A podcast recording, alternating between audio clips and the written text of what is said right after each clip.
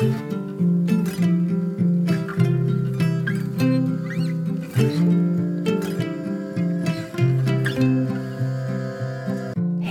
och välkommen till For Health med Anna Sparre.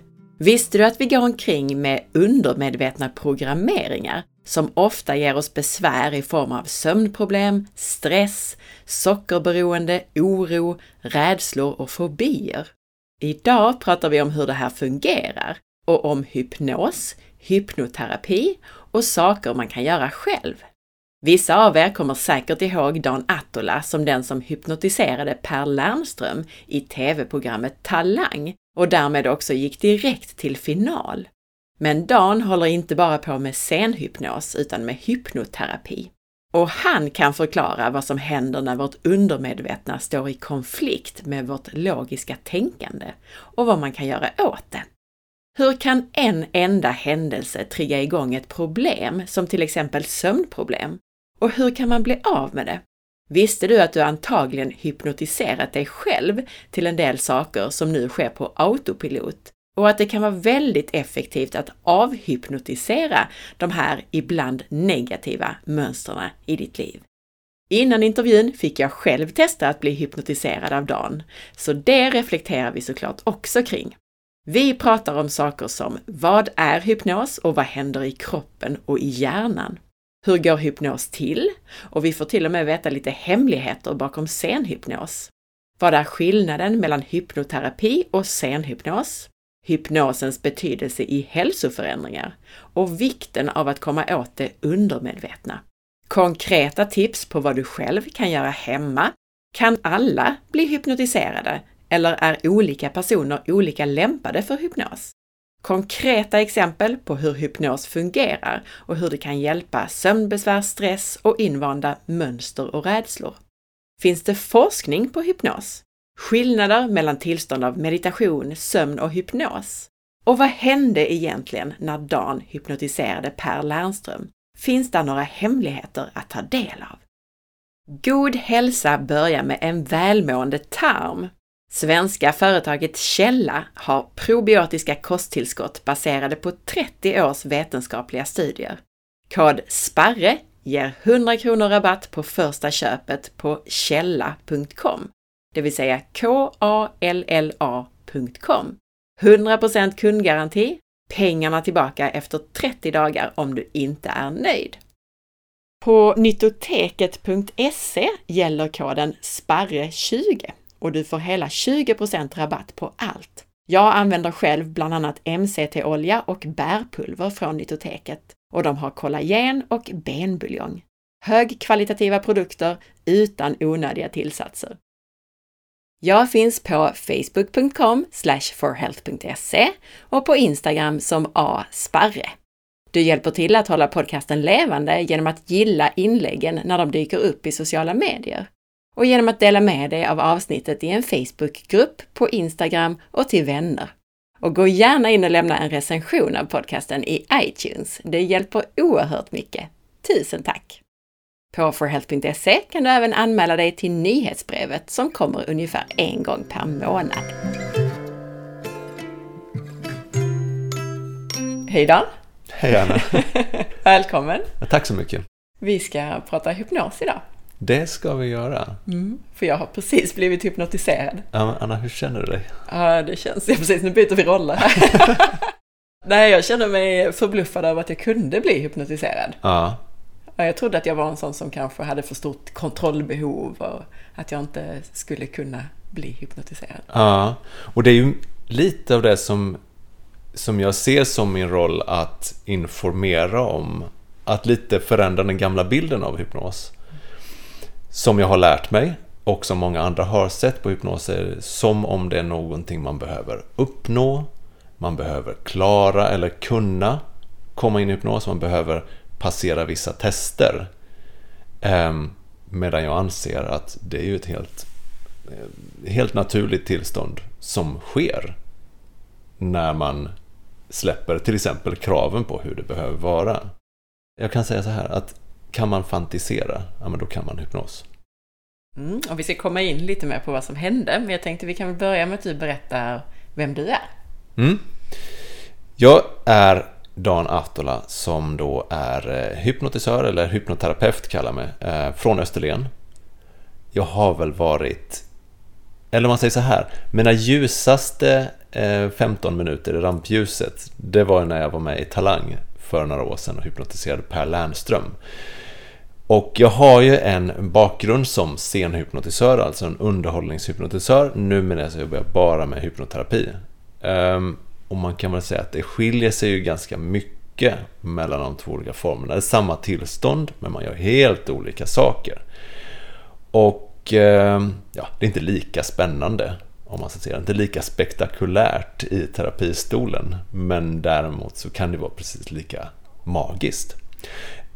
Vill du veta lite mer eh, kanske personligt eller privat också? För där har jag en ganska kort eh, presentation. Jag är 41, jag har två barn, jag har en fru, jag bor på Österlen och har allmänna intressen. Nej, jag, tycker jag tycker om att läsa och träna typ. Och så kom du in nu på det här med skillnaden mellan hypnos och hypnoterapi, mm. eller hur? Jag tror ju att många har fått den här bilden av hypnos som någonting lite så här gåtfullt och mystiskt och konstigt från scenhypnosen.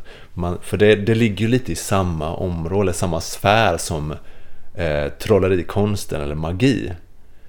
Och jag började ju själv som sagt som underhållningshypnotisör med frack och hög hatt och jag hade en klocka som jag svingade framför ögonen på folk.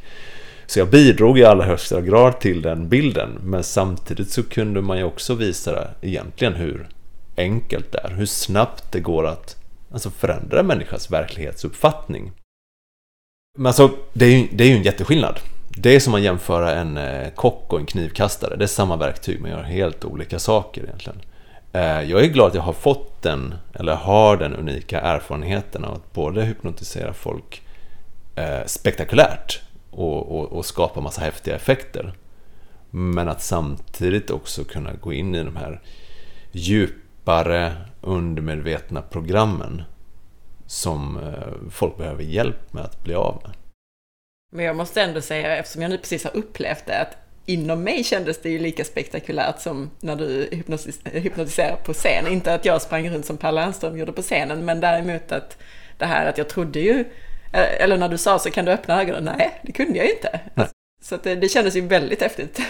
ja, men det är ganska häftigt och det, det handlar ju egentligen... Alltså, saken är att jag låser ju inte dina ögon rent eh, liksom fysiskt eller praktiskt. Jag håller inte ner dina ögon så att du kan öppna dem. Utan du övertygar dig själv om att du inte kan öppna dina ögon. Och när du också känner att du inte kan göra det, då passerar du någon form av gräns. Man kan se det är gränsen mellan det medvetna och det undermedvetna. Man kan säga att man, eller man passerar gränsen mellan det kritiska tänkandet och upplevande tänkandet. Så där hamnar man i hypnos. Och, men vad du lade märke till säkert var ju också att ja, men du kunde ju liksom tänka och höra allting jag säger och prata som vanligt och du vet mm att det var ungefär som vanligt mm. men annorlunda. Precis. Jag kände mig som att jag var i ett fruset tillstånd kan man säga. Fast, mm. Eh, fast jag kunde svara på dina frågor. Ja, ja men absolut. Och jag kände att jag inte kunde fokusera på någonting annat än, än det du sa. Mm. Mm. Men det är ju också så, alltså när man fokuserar på en inre upplevelse, för framför allt så är det ett mentalt tillstånd, eller ett mentalt fokus. Men just det när man inte fokuserar på någonting annat eller till och med är i en annan upplevelse så behöver ju inte kroppen göra någonting och det är anledningen till att den blir avslappnad. För att man behöver inte använda den just då. Man kanske är mer inne i eh, känslosinnet eller upplevandet än snarare görandet till exempel. Min tanke är att vi ska fokusera på hypnosens roll i hälsa. Ja. För det upplevde jag ju själv nu också, att man kan ju lösa upp massa spännande saker med det här, mm. verkar det som i alla fall. Men vi kanske kan börja med att berätta vad hypnos är, alltså vad, vad är det som händer, vad händer i kroppen?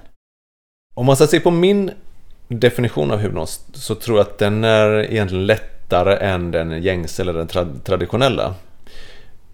Man kan se hypnos som ett starkt fokus inåt på din inre upplevelse. En inre upplevelse kan vara en, eh, det kan vara en, en fantasibild, en minnesbild. Eh, det kan vara en känsla, en tanke, eller någon form av uppgift som, som du eh, utför mentalt. För att vad som händer är när du vänder ditt fokus från omvärlden, de flesta av oss är fokuserade på omvärlden hela tiden. Vad som händer omkring oss, vad vi tror händer omkring oss, eller vad vi tror finns överallt som vi behöver lägga märke till. Och speciellt nu när vi har, ja men hur många intryck möts vi av varje dag? Det är liksom miljontals. När man då istället väljer att släppa omvärlden och vänder sig själv inåt, det kan vara genom meditation eller, eller genom yoga också, Um, vad som händer är ju att tempot saktar ner. Och det öppnar upp för känsloupplevandet, eller upplevande sinnet. Det öppnar upp för ett annat slags tänkande, ett mer kreativt tänkande, ett lösningsfokuserat tänkande. Och sen är det ju lättare att uppnå till exempel när man blir vägledd dit. Det kan vara enklare genom att fokusera på någonting speciellt när, när vi gjorde den här sessionen eh, tidigare så till exempel du fokuserade på hur dina ögonlock kändes när du inte kunde öppna dem. Och då fokuserar du istället för att tänka på någonting som är utanför dig så la du ditt upplevande fokus på dina ögonlock. Och då passerar vi lite det här kritiska tänkandet. Och eh, man är mer öppen för till exempel suggestioner, instruktioner. Eh, man blir mer avslappnad i sitt tänkande, eh, mer i ett kreativt lösningsfokuserat, lösningsfokuserat tillstånd. Och i och med den öppenheten för suggestioner till exempel så kan jag ju förstärka det genom att säga att nu blir det omöjligt för dig att öppna dina ögon och då tror du på det. Och det, det man tror på, förväntar sig, det har ju en tendens att bli sant också. Mm. Om vi skulle likna det till exempel, om du var övertygad om att du inte kunde öppna dina ögon och du inte kunde det.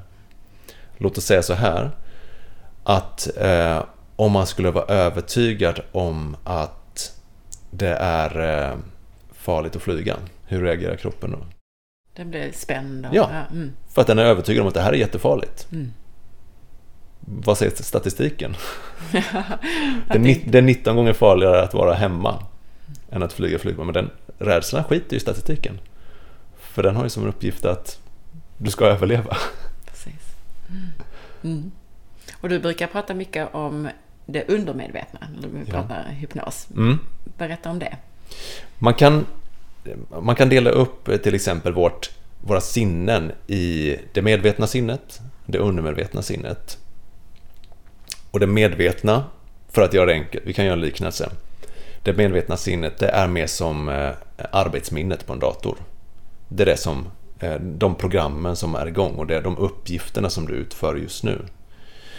Eh, det är liksom det, det, det, logiska tänkandet och det som, eh, det, det, som vi arbetar med.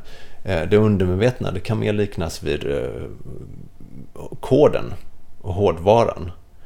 Att i det undermedvetna där har vi då istället för det logiska tänkandet eller eh, det rationella tänkandet och som finns i det medvetna sinnet så har vi kännandet, där finns fantasin, minnen, det man kan säga barnasinnet.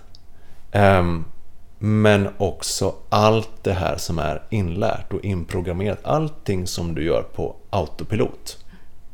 Om vi säger till exempel, när du kör bil så behöver du inte tänka på hur du kör bil. När du läser så tittar du på ett ord och vet vad det står. Du behöver inte tänka bokstav för bokstav. Eh, det kan också vara så här. När man träffar sin ursprungsfamilj så vet man redan hur man ska relatera till dem. Man behöver inte tänka på vilka är de här människorna och vad, vad säger de och vad känner jag egentligen? Man går in i en sån ja, men inlärd eller om man ska säga så här inprogrammerad roll. Jag tror att Eh, det är Bruce Lipton som ligger bakom de här siffrorna. Men det sägs ju att ungefär 90-95% av dagens, eller den dagliga mentala aktiviteten är undermedveten. Den är på autopilot. Det vill säga vi går och, och upprepar gamla program. Vilket är ganska bra för att det handlar om att spara energi. Att, att hela tiden tänka vad du ska göra och varför vi klarar inte av att ha så mycket aktivitet i, i tänkandet här framme i, i pannloben. Utan det måste det vara automatiskt. För då får vi mer tid till att, att lära oss nya saker. Till att leka, till att njuta eller vad det nu kan vara.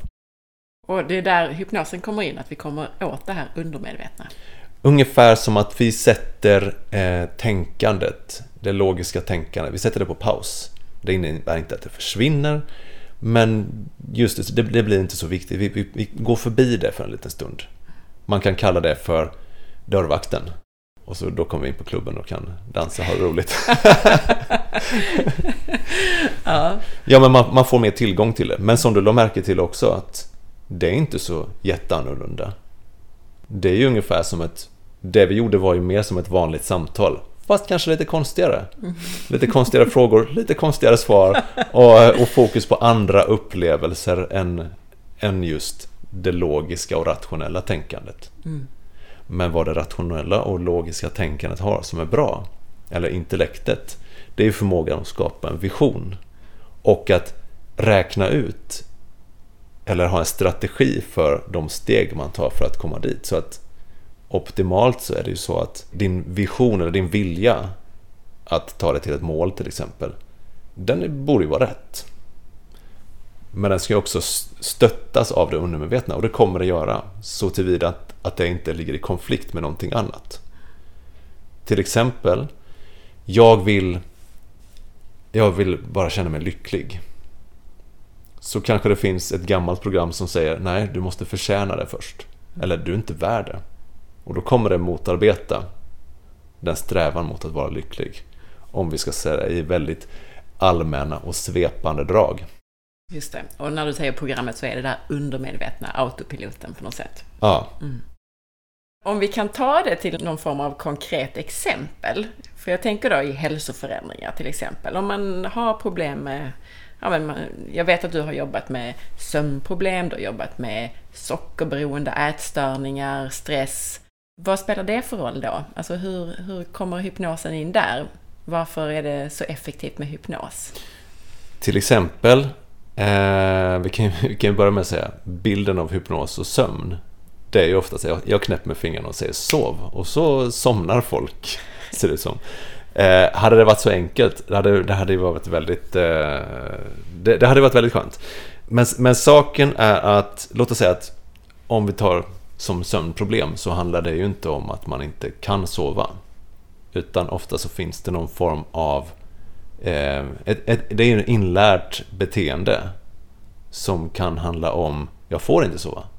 Eller jag är alldeles för stressad för att sova. Man är för mycket uppe i varv för att man har kanske inte lärt sig. Eller har inte, kroppen har inte lärt sig att varva ner.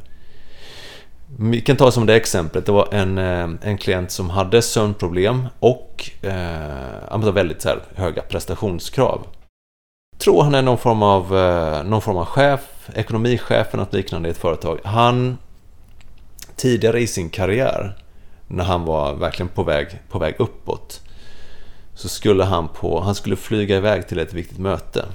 Alltså väldigt viktigt möte, alltså som, som verkligen det gällde hans, hans karriär. Eh, ungefär vara eller inte vara, vinna eller förlora. Han, eh, hans klocka ringer. Han snosar. Och när han sen vaknar upp så är det ju förfäran såklart. Det är ju chock när han inser Fan, jag missar flyget. Och vad hans, hans tank, den första tanken är när han vaknar, det är Jag får inte somna. Fan, jag somnade. Han, I den stunden så programmerade han sig till att det är mycket negativt att, för honom att somna. Och det är just det här, när man är i ett, dels ett känslomässigt tillstånd, som kan vara en väldigt stark känsla av till exempel eh, rädsla eller ilska. Det kan också vara men i ett tillstånd där man inte har något riktigt medvetet tänkande. Som till exempel där mellan sömn och vakenhet. Vad, vad brukar det, det tillståndet kallas populärt? Jo, hypnos. Där är vi väldigt mottagliga för instruktioner. Vad han gjorde, det han gav sig själv en instruktion. Jag får inte somna. För att det betyder så pass mycket. Och grejen var att han lyssnade. Det var lite det som var problemet. Men sen så glömde han ju bort det. Men kroppen mindes det fortfarande.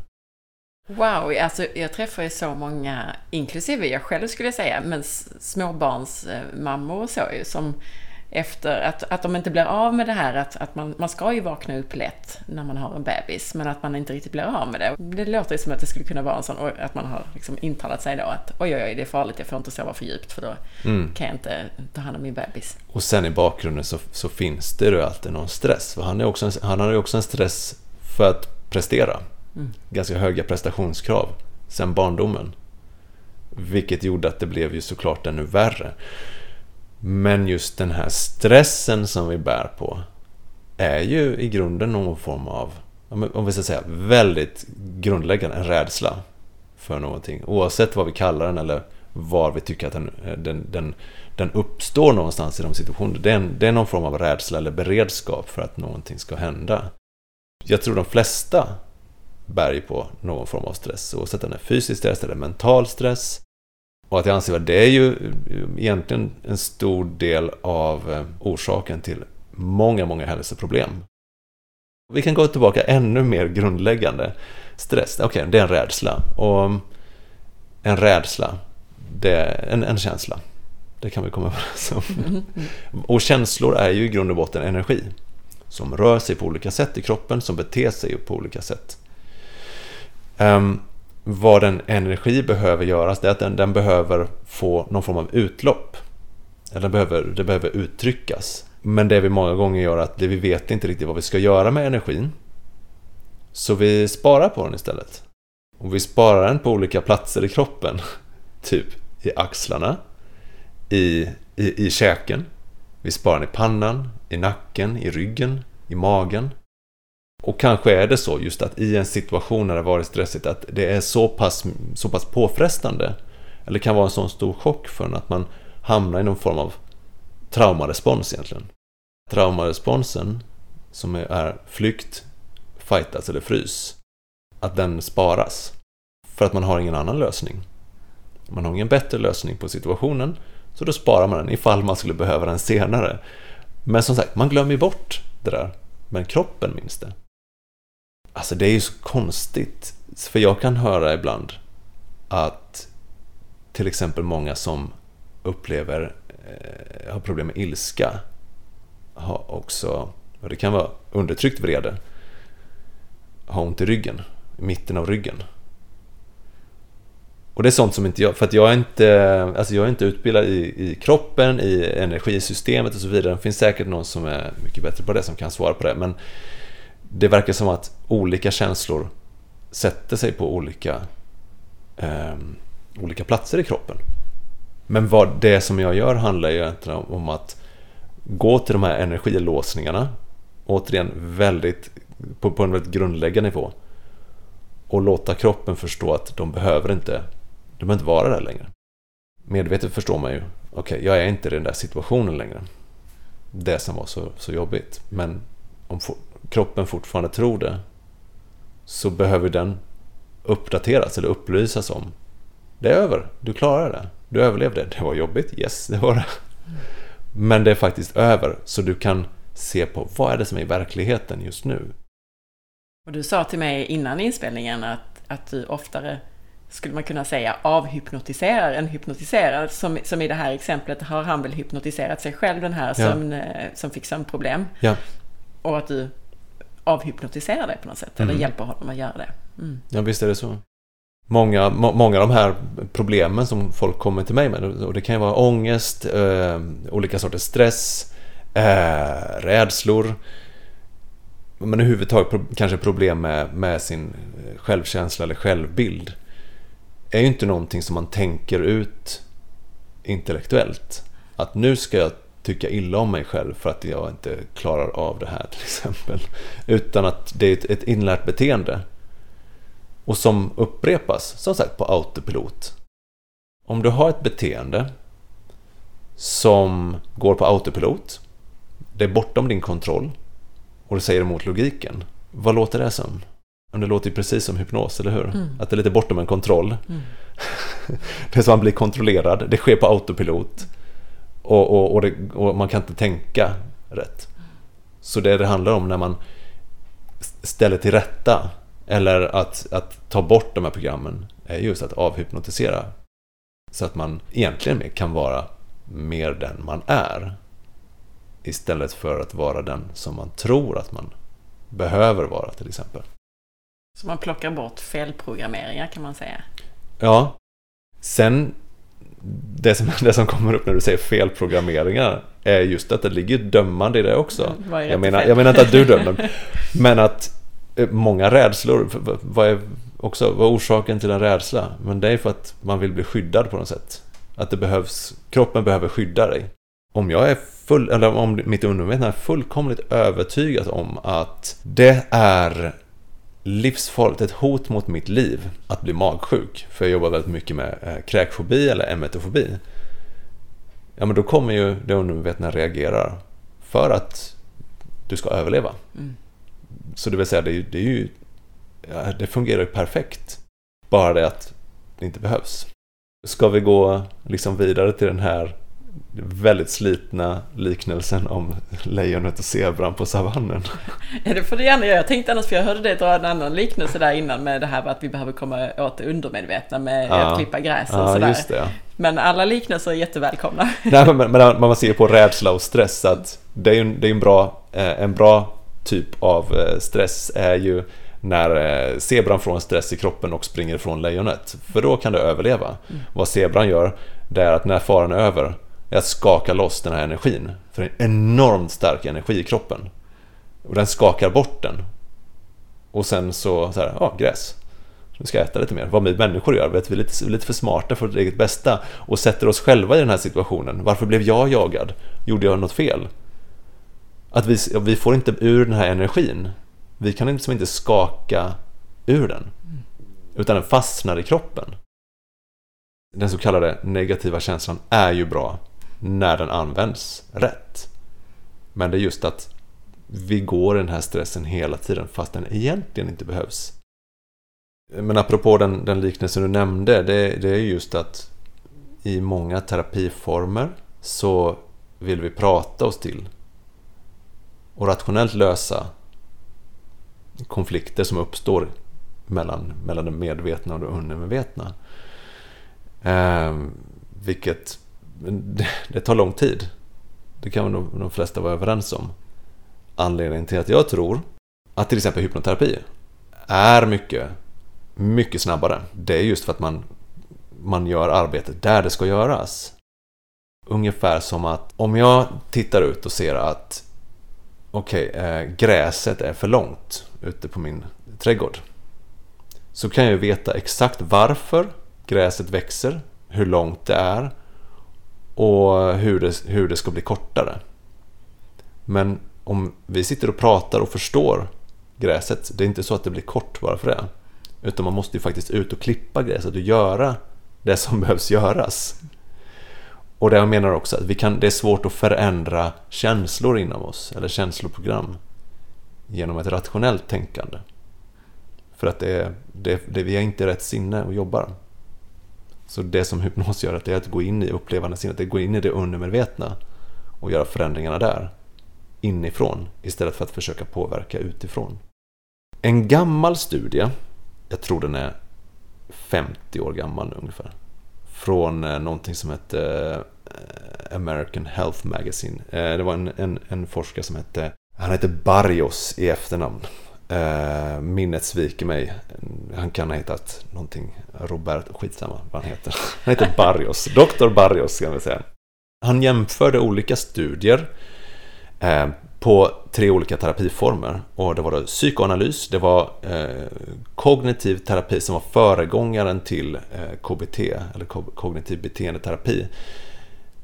Olika studier som gjordes. Eh, han kom då fram till att när det gäller psykoanalys, som då inte är psykodynamisk terapi, det vill vara noga med, att psykoanalys handlar mer om det freudianska eh, förhållningssättet.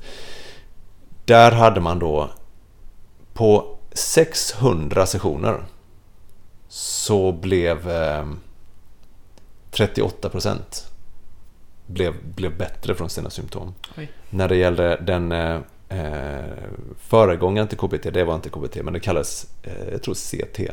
Där så på 22 sessioner blev 72 procent eh, fria från sina symptom eller avsevärt bättre. Och när det gäller hypnoterapi så hade de ett genomsnitt på 6 sessioner där 93 procent blev bättre eller fria från det. Och då handlar det inte om, om du vet, flygfobi eller rädslor. Det var ju barndomstrauma, sexuella trauma, det var eh, missbruk och så vidare. Vilka siffror, wow! Ja, fast nu får vi ännu minnas, det var 50 år sedan. Mm. Jag tycker sex sessioner låter ganska mycket. Men vi får räkna med också att, att KBT har förbättrats sedan dess. Eh, eller då, det, det, har blivit bättre sedan dess och även att det psykodynamiska eh, terapin har blivit bättre. Men det vet ju de flesta också som varit i den svängen och jag vet det för mina klienter säger det. Det är inte så att man går till en hypnotisör eller en hypnoterapeut det första man gör utan ofta har man ju varit med i den där svängen redan några gånger. Det tar lång tid mm. att, att samtala sig till en lösning i, i, i, i sina känslor. Det går, det gör det. Mm. Och det ligger nog någonting i det du säger. Alltså dels så måste jag säga att av min upplevelse så kan jag verkligen tänka mig att det är väldigt effektivt. Att mm. ett par gånger så, så skulle man ju känna sig som en ny människa. Eller jag kände mig också som en ny, eller mig mm. som en ny människa. Du sa också det här att man har ofta gått igenom en massa andra saker innan. Mm. Och, och det kände jag väl också att, att jag känner mig ganska öppen öppen till att kanske tränga in i känslor eller det undermedvetna mm. eller eh, prata om saker och så. Eh, att, det, att det kan hjälpa, tänker jag också. Mm. Mm. Såklart.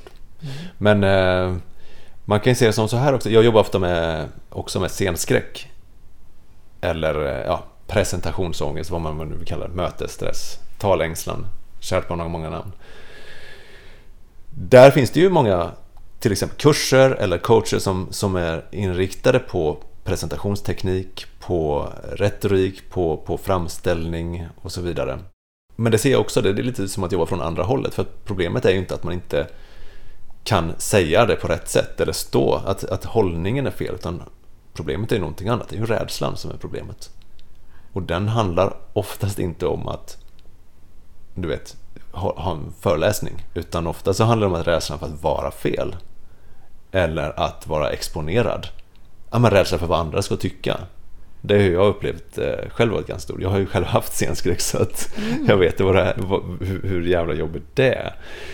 Men däremot så brukar jag säga att men efteråt, när inte rädslan finns där längre, då uppmuntrar jag att men självklart ta de här kurserna du kan lära dig hur du, hur du blir en bättre talare. Så man kan komma åt rädslor av alla slag med hypnos och stress som då du säger är mm, någon form av mm, rädsla mm. i grund och botten, sömnproblem och annat. Hur kom du in på hypnos, apropå det? För du nämnde ju nu att du själv hade haft scenskräck. Mm. Var det så att du hade något som du behövde lösa? Ja, det var så här att eh, jag har ju velat typ uppträda och, och stå på scen och sådär ända sedan jag var liten. Jag vågar kanske inte berätta om det eh, för att ja, men du vet, växte upp i ett brukssamhälle typ, gå gymnasiet var lite konstigt så att man, man kunde bara gå ner till fabriken och få ett jobb där. Eh, jag visste inte ens om att vad universitet var för någonting förrän jag var tio år. Och min syster skulle eh, flytta till Linköping. Men jag ville stå på scen och det började med att jag spelade i band. Eh, och senare när jag var typ, ja man kan ha varit 23, 22, 23 någonting så var jag och kollade på en wrestlingshow Alltså wrestling, då pratar vi om underhållningsvåld. De flesta känner till The Rock, eh, Hulk Hogan och blev ju eh, alltså förälskad på en gång. Jag tänkte skit i det här med musiken, det är så jävla svårt att bli rockstjärna. Jag blir stjärna här istället. Och det blev jag. Eh, ja, stjärna. Stjärna med, med, med, med, inte den starkaste, lustaste stjärnan kanske, men eh, jag, jag, jag gick den vägen i alla fall och eh, drev min egen klubb i Malmö eh, som var alltså, Sveriges största, eh, bästa, första riktiga wrestlingklubb. Men där kände jag av att alltså, det var ju skitjobbigt innan varje match att stå där, för jag var oftast också i, i liksom den sista matchen, det var den sista personen som skulle gå in till ringen. Och att stå där bakom ridån, den, den fruktansvärda, liksom, själaförtärande ensamheten, jag kände den ångesten. Eh, alltså det gjorde ont i magen och eh, kände mig helt bortkommen. Undrade så här, hur kan jag vara så dum i huvudet så jag gör det här om och om igen? Och problemet var som var ännu mer frustrerande, så fort jag gick igenom ridån så försvann ju allt det där. jag skadade handen i alla fall. Jag, eh, kvadrade. Så jag kunde inte fortsätta. Försökte hitta någonting nästan lika normalt att syssla med. Hmm, ja men scenhypnos, det kan ju vara någonting. Så jag hade ju ett, ett, ett rätt eh, roligt visitkort där egentligen. Eh, pro wrestler och scenhypnotisör. Eh, jag försökte hitta någonting nästan lika normalt att göra. Så att, men hypnos var ju det naturliga valet. Men kände där att någonting, jag kunde ju maskera det bättre tidigare. Men märkte nu att när jag höll i en mikrofon. Då började handen darra. Och det var inte, det var inte alls bra. För att jag var rädd för att alla skulle se det. För vem vill bli hypnotiserad av en nervös hypnotisör? Och att eh, det sägs ju att, eh, att stand-up komiker är det ensammaste jobbet i showbiz. Tänk er då en, en, en scenhypnotisör, men ingen går upp på scenen. Jag vände mig då till, till min hypnoslärare, Jonathan Chase i England. Um, och vi gjorde en session på det här. Uh, och dagen efter, på min allra första föreställning, så går jag upp på scen och, och håller fram mikrofonen. Och handen darrade. Men skillnaden var att jag brydde mig inte.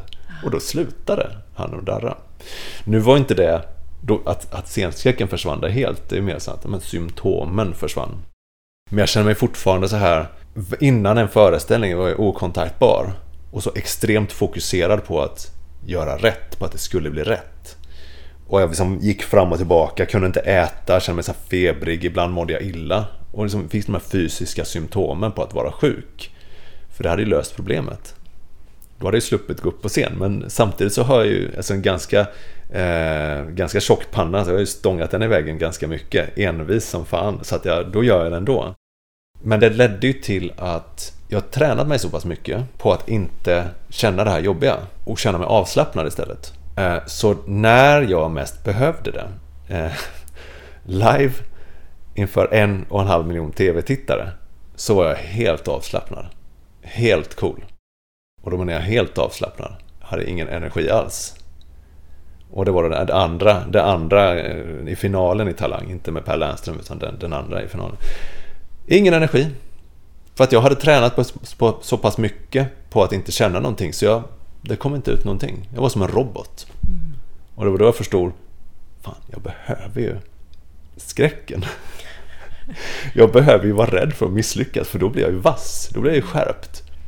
Men att inte känna det som rädsla utan tolka det som till exempel spänning. För skillnaden mellan rädsla och spänning är ingenting. Det är, det är, det är kontext. En tolkning. Men det sker samma sak i kroppen. Men att ha en spänning och en nerv och, och, och, att, och att vara närvarande det var det som gjorde att jag senare blev bättre och inte behövde känna mig så urlakad. Och det är väl vad, när det, när det kommer till exempel med scenskräck så är det som det går ut på. Att inte försöka hoppa från livrädd till superlugn, för det går inte. Utan livrädd till supertaggad istället. Och ha med den energin och använda den sig av, sig av den energin. Och det har också lärt mig mycket det här att det är så mycket energi som pågår i kroppen och den vill ju liksom uttryckas. Men att vi kan inte riktigt, så vi håller den inom oss istället. Så man ska se på rent den här fysiska och energetiska eh, aspekten av hypnoterapi så handlar det om att få fart på energin som har blivit låst i gamla händelser. Som kan ha blivit låst för att, ehm, för att man tror att det ska vara så. Och därmed kunna ja, men ha ett mer friare energiflöde. Och kanalisera den eller? Det skulle man kunna göra till exempel. Mm. Och kanalisera användaren som ett, ett, ett, ett, bränsle eller ett driv istället. Mm. Så att det, det, det, känns mer som att det är eh, en, en mycket mer positiv upplevelse såklart. Som sagt, en, tolknings, en tolkningsfråga. Du nämnde här din lärare. Hur blir man hypnotisör? Eller hypnoterapeut? Ja. Vänta, jag glömde berätta varför jag skulle bli hypnotisör från början. Det var det jag började på. Jag, jag letar efter någonting precis lika vanligt och normalt. Eh, att göra som, som, eh, som wrestling. Och då tänkte jag att Ja, men jag kanske kan bli en sån här wrestlingkaraktär som är hypnotisör, som kan hypnotisera sina motståndare och ge sig själva stryk. Jag kan hypnotisera domaren och döma och, och, i min favör till exempel. Men bara bli, då blev jag intresserad av så, men hur fungerar det, hur gör man? Och började läsa mer om det. Eh, och min fru kom hem med en bok som handlar om tidigare liv och hypnos. Och jag läste den och kände, det här var för mig. det här ska jag göra. Jag måste lära mig hur man gör det.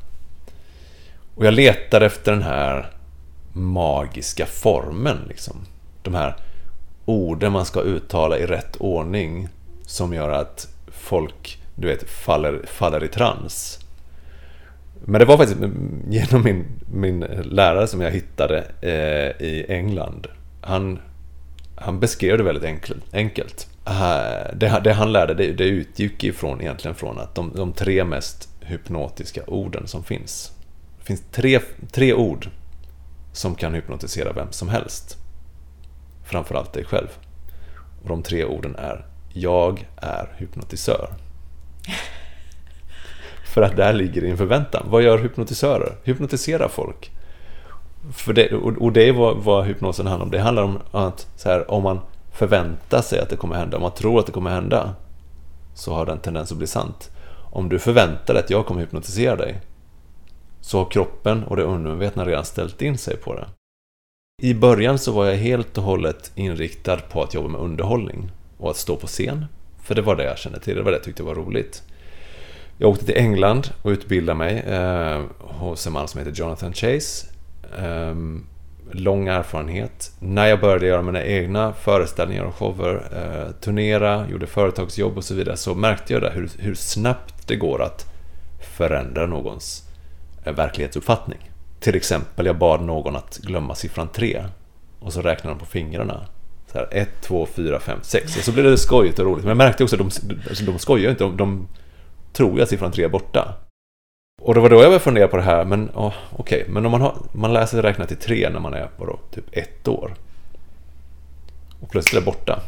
Vad finns det mer som vi, som vi har med som vi skulle kunna glömma bort? Som inte, som inte är bra för oss?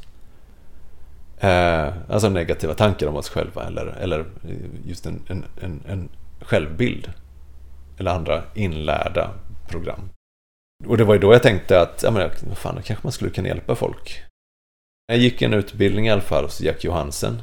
An antagligen en av de bästa utbildningarna i Europa. Där man där jag gick från, från klassrum till, till klient dagen efter. Eh, så det, det är en yrkesutbildning. Och jag börjar förstå också mer, inte bara då hur hypnos fungerar eller hur den här sortens problemlösning fungerar, hur, hur, hur sinnena fungerar, utan också då bana min egen väg och kunna ta den här grunden i utbildning som jag hade och kunna själv skapa mitt eget sätt att jobba. Som då är till exempel att hypnos är lätt. Kan du fantisera så kan du hypnos. Och att ta bort de här svåra, eller det som kan tycka utmanande eller svåra elementen. Att man måste uppnå hypnos eller komma in i hypnos. Istället för att vi är där. Man vill gå in i hypnos för att komma in i ett känslomässigt tillstånd. För att, precis som att gå ut och klippa gräset, man, man vill in och förändra känslan från insidan. Men om det är så här att du kan känna den här känslan, till exempel om man Eh, känner alldeles för mycket stress, eh, en, en, en väldigt påtaglig stress, den kan du ju uppleva.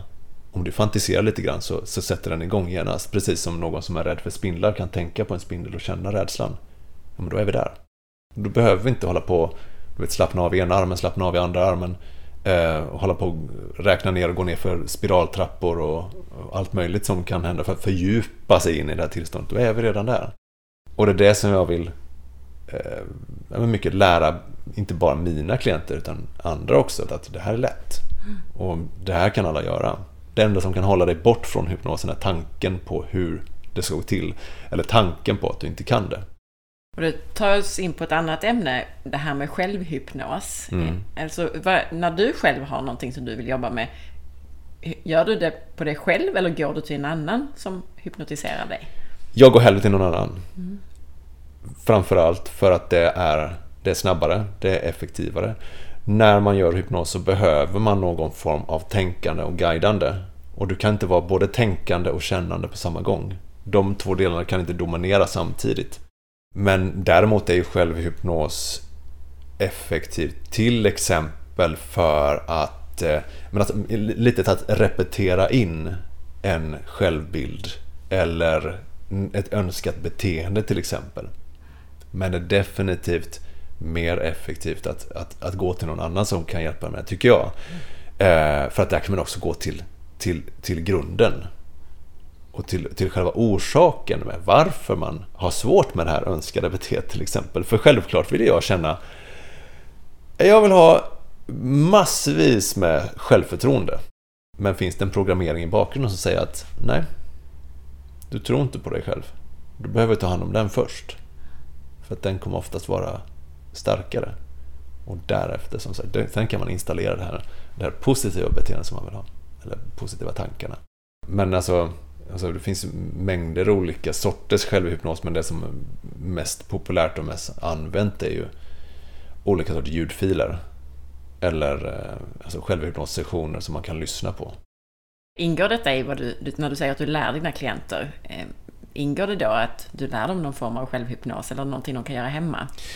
Ja, men det, det, jag, jag, jag delar med mig massa olika tekniker som jag lärt mig. Det, är inte bara, eh, handlar inte bara om hypnos utan det är ju, handlar ju också om till exempel om eh, breathwork, eh, rekommendera ja, men till exempel eh, tapping eller olika sorters just eh, tanketekniker som man kan använda på egen hand. Mm, men vi kan väl ge några exempel i slutet sen bara så att, så att de får med sig här lyssnarna något konkret som man kan göra hemma Absolut. även om man inte... För jag vet inte hur många finns det egentligen hypnotisörer i... Finns det många i Sverige? Heltidsarbetande hypnoterapeuter, det finns det inte jättemånga. Det blir mycket, mycket fler. Det håller på att bli mycket, mycket fler. Eh, framförallt för att intresset är mycket större. Om man ser till exempel så här, om du sa för 15 år sedan jag håller på med yoga och mediterar. Mm. Så kollar folk på dig som, som att du vore ett freak. Om du idag säger att du inte gör yoga och mediterar så kollar folk på dig som att du är ett freak. Vad gör du då liksom? och så, så, att det är sådana saker som blir mycket mer stora och populära. Det som har varit senast det är väl typ breathwork. Som har liksom skjutit upp från ingenting till att vara måste. Och även om hypnos har en mycket längre historia än vad man kanske tänker. Det, vi snackar ju hundratals år, längre än den moderna psykologin. Så, så är det så att jag, jag, tror att nu så har man på något sätt funnit vägen som en, en, en balans eller nivå som passar ihop med, med samhället som det ser ut idag. Att det är en, en skön mix av vetenskap och andlighet. Och vi brukar alltid försöka komma in lite på vad är det som händer i kroppen? Du har sagt att man kan inte förklara alla aspekter av hypnos, mm. men är det någonting som man har sett händer i hjärnan eller kroppen när man är i ett hypnotiskt tillstånd? När man har gjort eh, hjärnscanning eh, på patienter som har varit i hypnos, som har jämfört det med eh, personer som mediterar till exempel. Och jag kan först, först främst ska jag säga så här. Jag har inte källan på de här. Utan man kan säga så här det här jag har hört eller det här har jag läst. jag, jag, är, jag, är, inte så bra på att ta tillvara på exakt vilken källa det är. Det man upptäckte där i alla fall under den här genomlysningen av hjärnan under hypnos och meditation var att i meditation, då går hjärnan in i ett slags, ett lugnt läge där, där, där typ det, det, det sker någon form av underhållsarbete. Så det, det sker aktivitet i hjärnan, att det lägger saker till, till rätta när man jämför med, med eh, under hypnos, det är som att hjärnan sover. Mm. Inte alla delar av hjärnan, kanske framförallt längst framme i hjärnan. Det är stilla. Det, det är stillhet. Vad man upp, också upptäcker att eh, olika delar av hjärnan får lättare att kommunicera i ett, i ett hypnostillstånd. Det vill säga att det blir lättare då att hitta lösningar. Man kan se att oftast så är det ju just reaktionen på någonting eller rädslan inför någonting som är problemet. I hypnos kan man till exempel uppleva en händelse, en situation, ett minne som kan vara triggande men utan att ha samma känslorespons. Och därmed också lära kroppen, lära det undermedvetna att vi kan se på det här utan att känna stress, utan att känna rädsla. Eh, lite som man pratar om eh, PTSD terapi med eh, MDMA. Till exempel om vi pratar om psykedelisk terapi. Att det handlar om att man kan se på det som har varit utan en känslorespons och därmed göra färdigt. Att göra klart för, för eh, hela kroppen att det pågår inte längre.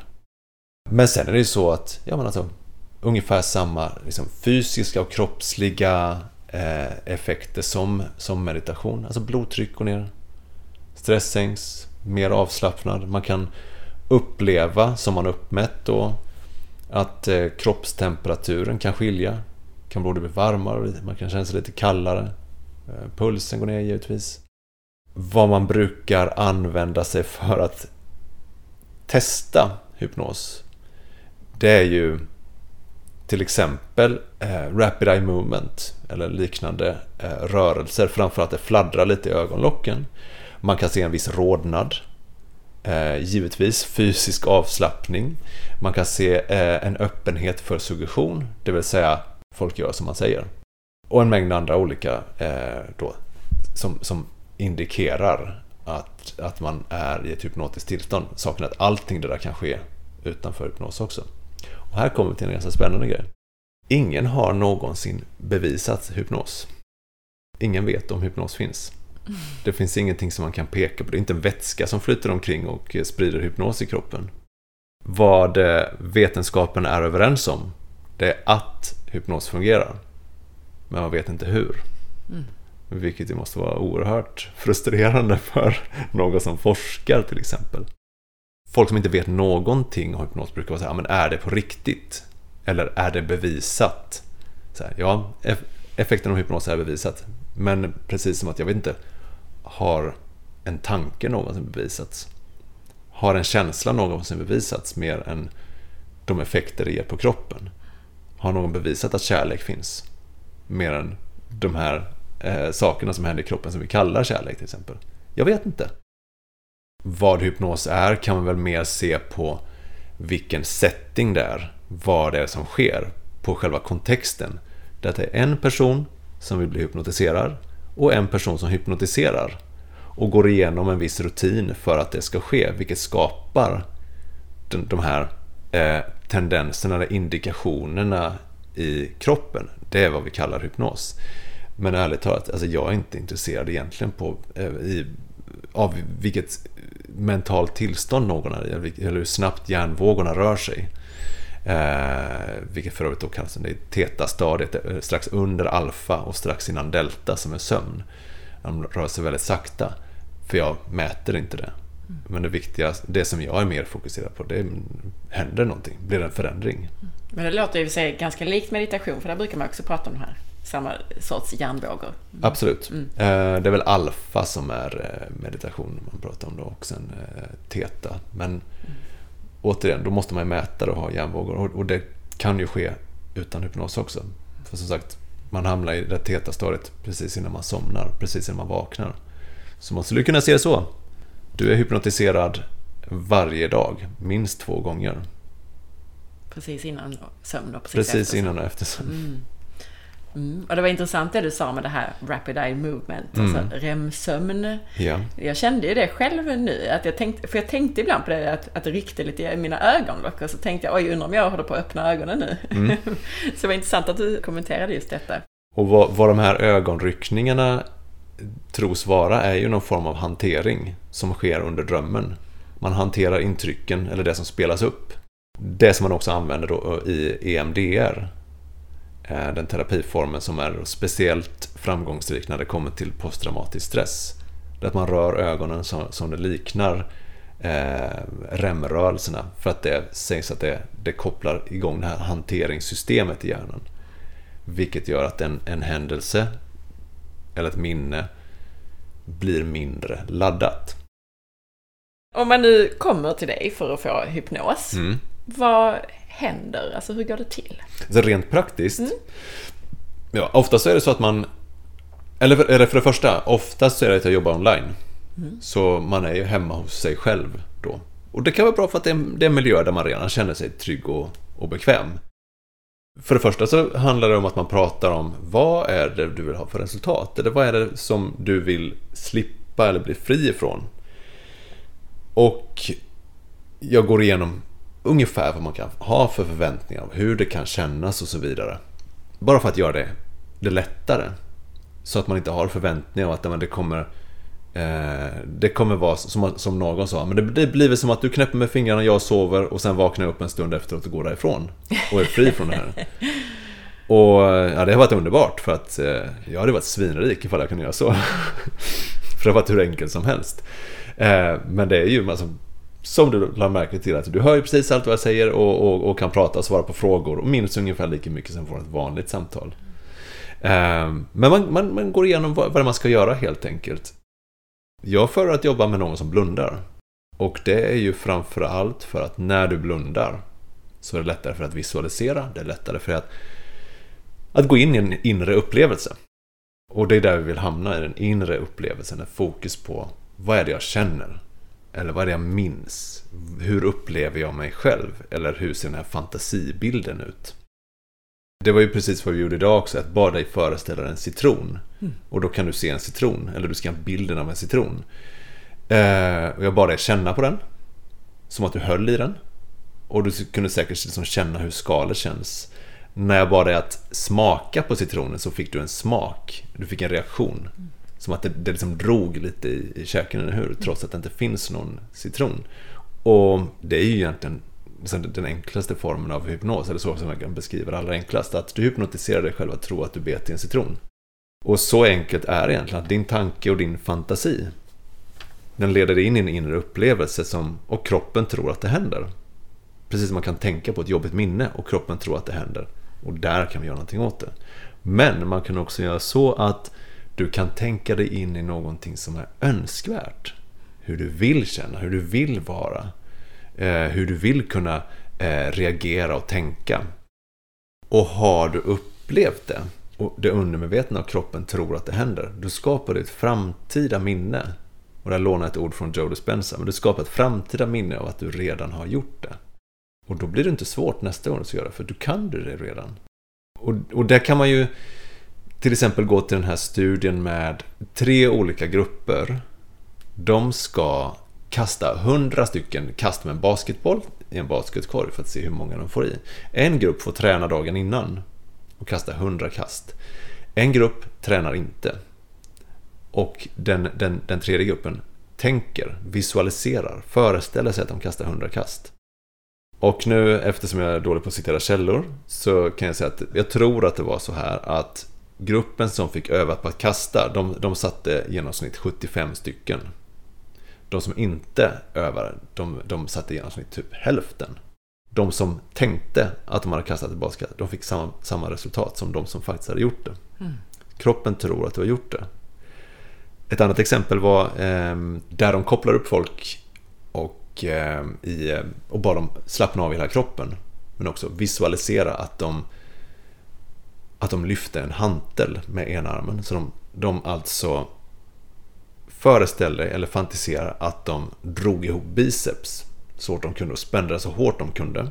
Och de upprepade testet några gånger och de kopplade upp dem för att se att de inte verkligen gjorde det utan faktiskt var helt avslappnade. Eh, och kolla då efter tre veckor vad som hade hänt jämfört med gruppen som, hade, eh, som inte hade gjort någonting. Och då hade alltså styrkan i biceps hade ökat med 13%. Wow. Och det här resultatet höll i sig i flera månader efteråt. Och de har inte gjort någonting. Men kroppen trodde att de gjorde det. Och det som det undermedvetna eller kroppen tror och förväntar sig, det har en tendens att bli sant. Men där kan man också då gå in och se på, om man tänker negativa tankar om sig själv, vad händer i kroppen? Mm. Om du tänker positiva tankar om dig själv varje dag, vad händer i kroppen då? Jag tänkte också på det här som jag nämnde i början, att jag trodde att jag var en sån här person som är svår att hypnotisera. Mm jag har för mig att det var så att en bekant till mina föräldrar blev mm. hypnotiserad på scen mm. och att de då att han berättade att de då hade valt ut personer som skulle vara lätta att hypnotisera. Ja. Så med det jag tänker, är det så att vi är olika lätta att hypnotisera? Ja, det, det finns ju olika sätt att se på det. Dels kan det handla om så här att, att låta sig hypnotiserad, det kan vara alltså utlämnande, det kan vara sårbart. Känner man inte tillit till den personen, då blir det svårt. För då har man som det här försvaret. För att man, inte, man vill inte att någon ska, alltså någon som man inte litar på, ska in och, och, och grotta liksom. Mm. Eh, eller rota i ens alltså, djupaste eh, känslor eller till och med ens sår. Så då håller man sig givetvis från det och, och skydda sig från det. Helt eh, fullkomligt normalt. Sen kan det ju också handla om att det är svårare att hypnotisera någon som har förväntningar som inte stämmer överens med verkligheten. Om man förväntar sig till exempel, jag kommer somna. Då kommer du inte riktigt köpa att du är hypnotiserad. För att du känner dig vaken. Men det är bara att du fokuserar mer på din inre verklighet och omvärlden är inte så intressant längre. Det är därför som man också säger att men, jag lyssnade bara på vad du sa. Så när, när, när jag gjorde scenhypnos till exempel, att men, det var som att publiken fanns inte, det spelar ingen roll. Jag, jag lyssnade bara jättenoga på vad du sa. Mm. Och det spelade ingen roll om det var konstigt, för jag trodde att det var sant. Som att jag sa, eh, jag är osynlig. Och så såg de inte mig. Det belyser ju också vikten av det här du säger, att du sätter förväntningarna innan. För det, ja. du sa att det kan vara svårt att hypnotisera någon som har en förväntan om att de kommer att sova till exempel. Ja. Mm. Man, om, man, om, man, om man säger, det, det finns ju eh, siffror på att, ja, men att ungefär 15-20% är väldigt lätta att hypnotisera. Det är de som mer eller mindre är i hypnos redan. Och 70-75% alltså, går alldeles utmärkt. En del kan kräva lite mer övning, lite mer jobb. Och sen finns det de som är eh, svåra att hypnotisera. Som kanske är just har jättehöga kontrollbehov som är liksom, du vet, som en, som en, vad säger man, som en pianosträng. Mm. Som har alldeles för mycket stress. Eller som känner så här att jag litar inte på, på den här personen. Eller på någon alls. Det sägs ju att det finns en, en del som inte alls går att hypnotisera. Och det var därför jag också trodde att jag skulle vara svår, för jag kände, alltså, och det var ju det vi jobbade med också, stress. Mm. Jag, kände mig, jag känner mig extra stressad, men jag känner mig som en stressad person med ett visst kontrollbehov dessutom. Mm. Men det är tydligen inte så extremt som... Eh, Om man ska säga så här då, Anna. Mm. Um, apropå att klippa gräset. Mm. Vi vill in den här känslan av stress. Mm. Och du var redan där. Mm, just det. Så vi behövde inte liksom, ta in det i något hypnotiskt tillstånd för att nå den här stressen. Du hade redan den där. Mm. Apropå det här med scenhypnos då, att man valde ut personer som var mm. lätta mm. att hypnotisera. Mm. Gjorde du så i Talang? Valde du ut personer? Alltså, eller överhuvudtaget, när jag hypnotiserar på scen, självklart väljer jag ut personer som är lätta att hypnotisera. För att det är inte, folk är inte där för att, publiken är inte där för att, för att se mig kämpa och utmanas. Folk är där för att skratta. Och folk som är, människor som är lätta att hypnotisera blir roligare.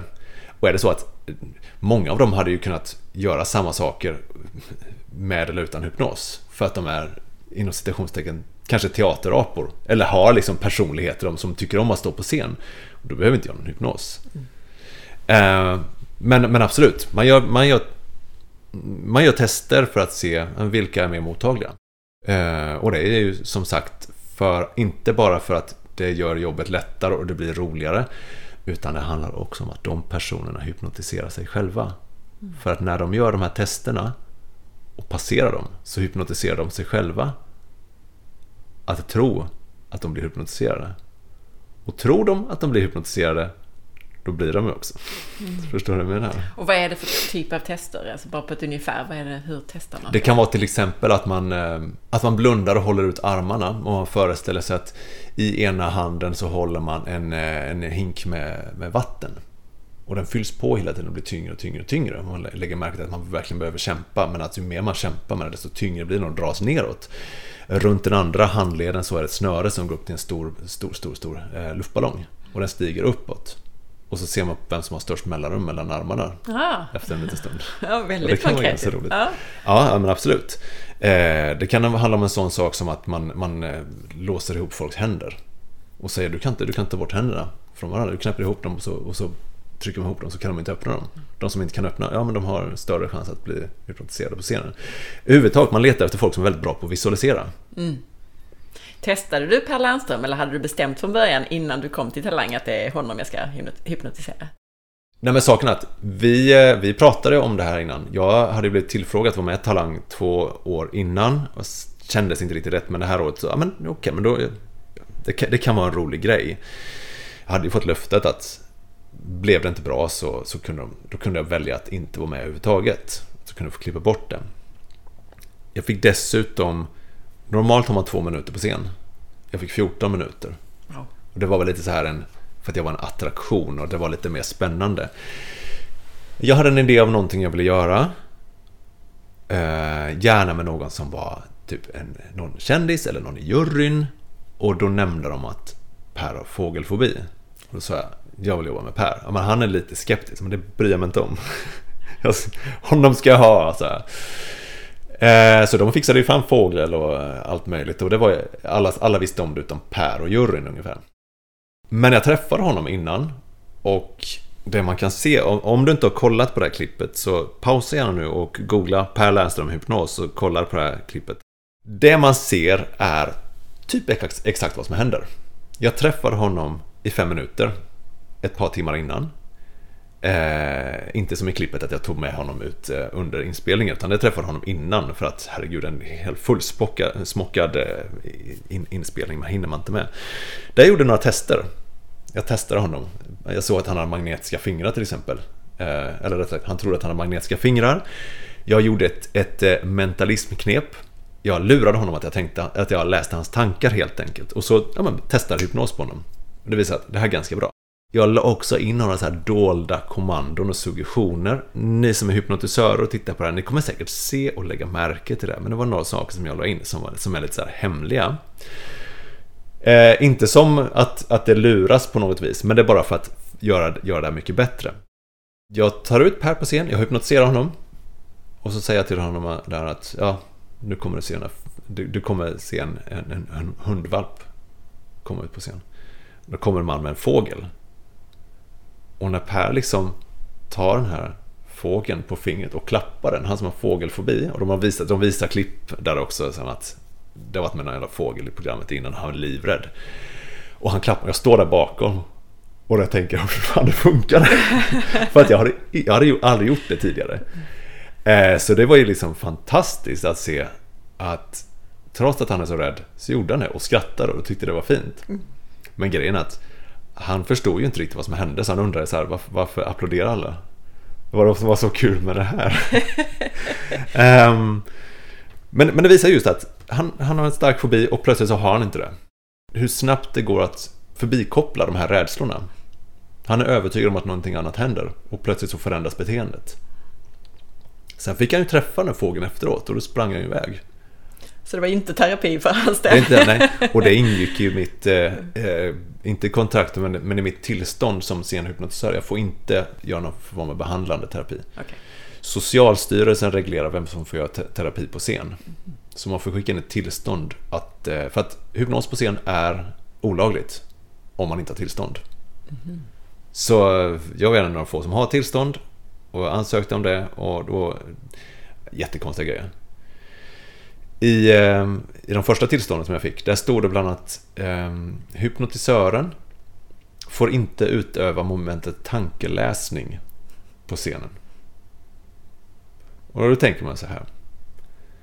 Socialstyrelsen är en statlig myndighet.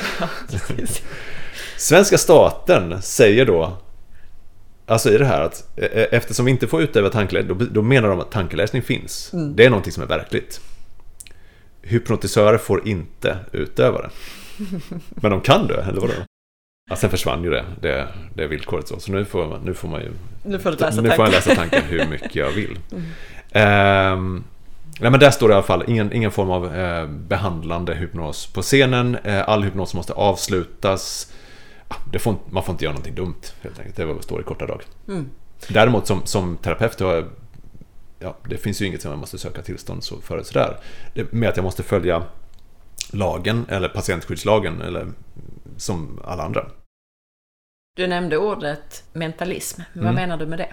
Mentalism det är eh, det man kan beskriva som att läsa tankar. Brynolf och Jung, de håller mycket på med eh, mentalism till exempel. Och hypnos även om de inte säger det. Min version av mentali mentalism och trolleri, det är att det är tricks. Hypnos är på riktigt. Men mentalism, det är ju tricks. Att man låtsas att man läser folks tankar, egentligen som att visst, man har ju knep. Jag eh, sa till Per, jag läste dina tankar här nu. Och så sa jag, du har ju ett husdjur, men du är knappast en kattmänniska, så du måste ha en hund. Och jag ska gissa namnet på hunden.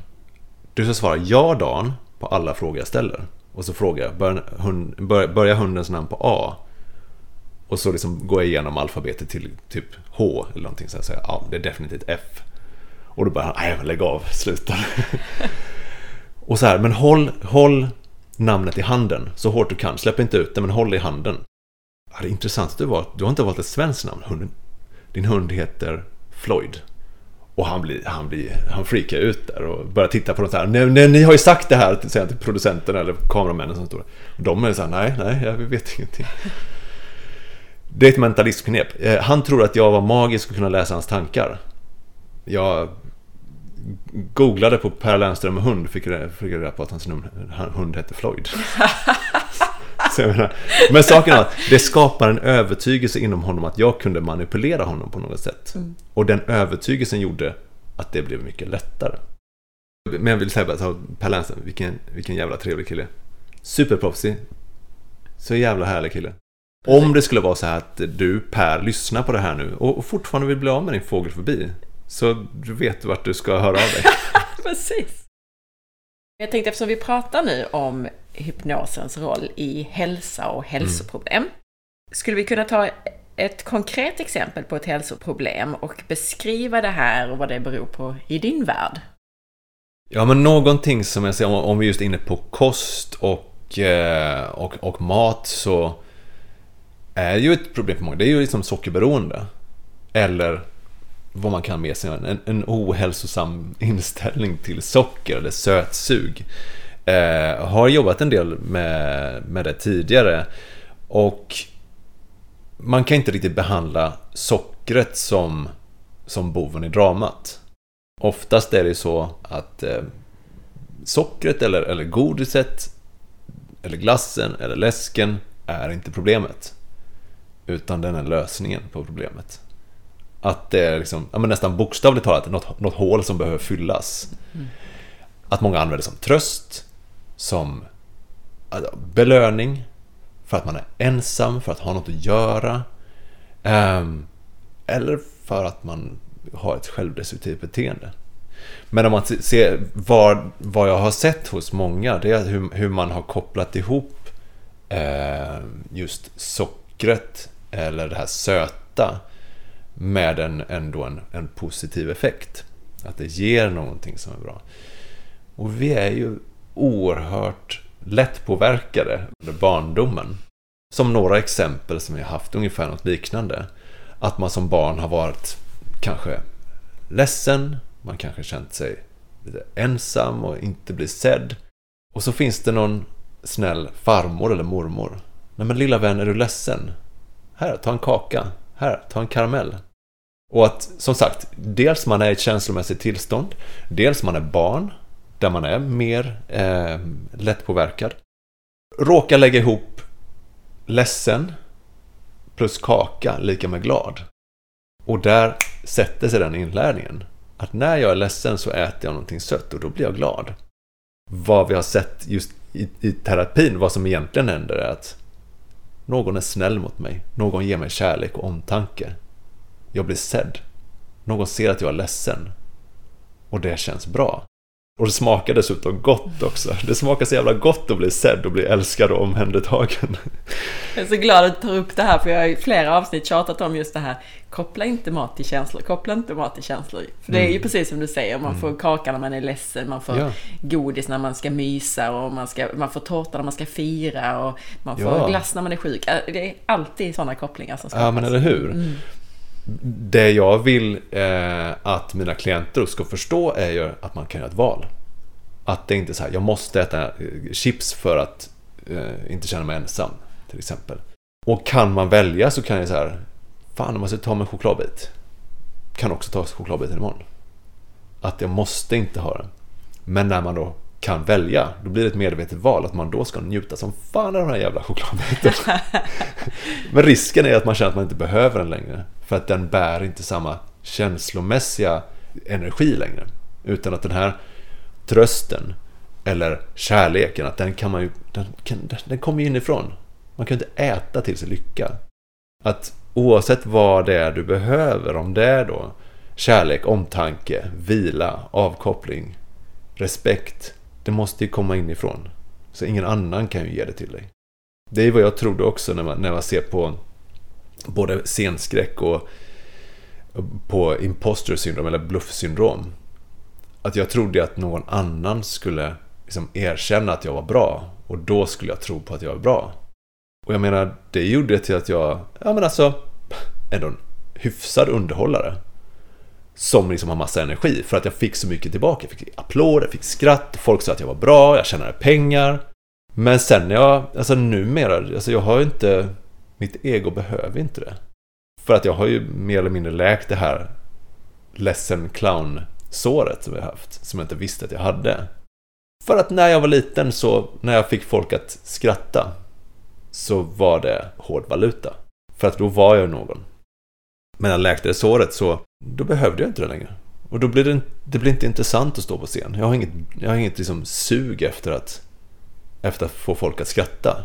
Det är jätteroligt såklart, men det är inte så att jag måste göra det. Så det, det är ju anledningen till att jag inte har, eh, att jag inte gör föreställningen längre. Det är just, jag har inte den känslomässiga kopplingen eller behovet av det längre. Precis som man kan inte ha det känslomässiga behovet av någonting som, eh, som är sött. För det kan man göra själv.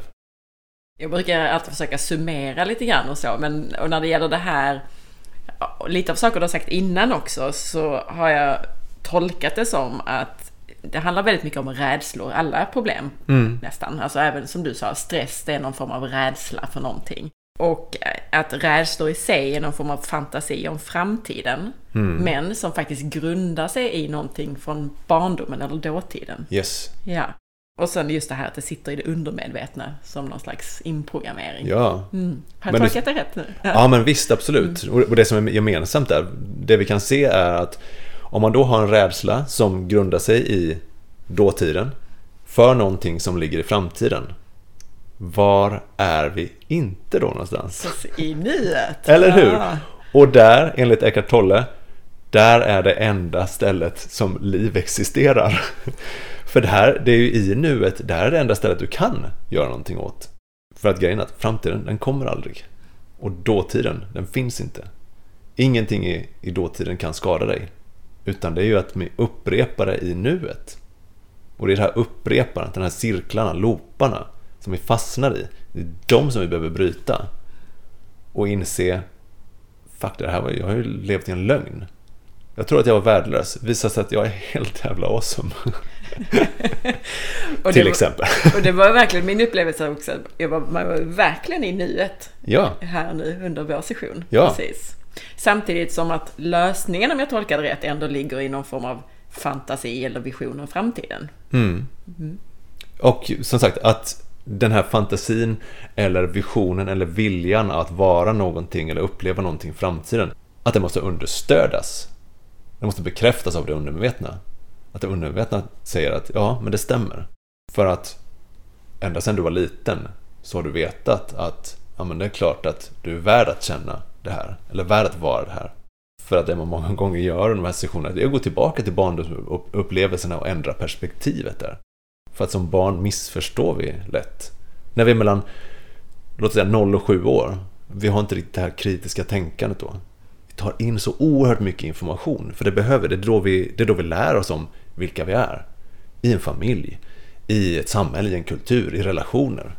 I relation till saker, till pengar hur, hur, hur vi gör olika saker. Vi behöver lära oss allting, så vi behöver vara vidöppna. Och då kommer det in information också. Som vi inte riktigt kan förhålla oss till. För att vi har ingen erfarenhet av att, eh, av att ja, se olika perspektiv. Vi har svårt att se det vuxna perspektivet, precis som vi vuxna har svårt att se barnperspektivet. Och det blir gärna det här väldigt rätt eller fel, svart eller vitt, bra eller dåligt. Man tar på sig så oerhört mycket också. Många gånger för att man barn, som barn ja, ganska självupptagen. Man tror att liksom, man är center av universum. Och att ja, men nu är mamma ledsen, det måste vara mitt fel eftersom jag är här. Och kan inte se att ja, men mamma har ett annat liv. Hon är skitledsen för att någonting annat har hänt någon annan gång. Med att man som barn man tar på sig det här tunga, tunga ansvaret. Och kanske också inte kan skilja på mammas ledsen. Jag känner det, jag känner den här energin. Som hon känner. Och eftersom jag känner den, då måste det vara min. För det är så många gånger som jag frågar mina klienter, vems är den här rädslan? Vems är den här sorgen? Ja, det är inte min. Jag har lärt mig hur den fungerar. Jag har relaterat till den. Jag trodde att det var min. Låt säga en, en viktig sak, det är inte bara att jobba emot Jante att faktiskt få vara lycklig. För Jante säger, vem tror du att du är? Men en jätteviktig sak som jag frågar, eller som man egentligen frågar, det är Vem tror du att du är egentligen? Vem tror ditt undermedvetna att du är? Eller inte sagt, vem tror du att du var? För att om man tar reda på det, vem tror du? Vem är du övertygad om att du är? Det kan ligga liksom, där kan lösningen till låsningen ligga. Är du övertygad om att det är självklart att du ska vara lycklig, att din kropp är hälsosam, att du eh, liksom har så lätt att slappna av, att du är fan värd alla, alla underbara ting i hela världen. Men vad är, det som, vad är det som hindrar dig? Ja, inte du själv i alla fall. Och det är oftast där de flesta hinder sitter. Det är inom oss. Apropå då min session här, min hypnos. Mm. Har du några, någonting du vill kommentera eller kan kommentera kring den? Jag har ju sagt att du får prata om den. Jag förstår att du ja. får prata om den andra. Om jag, om jag, frågar, om jag frågar dig Anna, vad, ty, vad tyckte du var um, starkt? Eller vad gjorde påverkan på dig? Var det någonting som du kände som var aha eller haha? Eller, eller någonting som du blev kanske överraskad och ja, som, som kändes? Dels var jag ju överraskad över att, att det gick väldigt snabbt och lätt till ja. att komma till det här stadiet att jag, men jag kunde inte öppna ögonen och det kändes som att jag var låg. Eh, för jag valde att halvligga. Ja. Att jag låg, eh, att jag i stort sett inte kunde röra mig. Mm. Men inte på något obehagligt sätt, det kändes ju, kändes ju skönt. Det var ju det ena. Och sen det andra att, att vi kom in på... Jag hade inga förväntningar alls på att vi skulle komma in, men vi kom ju in på någon så här barndoms... Eh, ja, trauma ska man inte kalla det för, men, men ändå liksom något så här djupare grejer. Så jag tänkte, ja, ja, jag sa, vi kan väl jobba lite med min stress, sa jag. Mm, mm.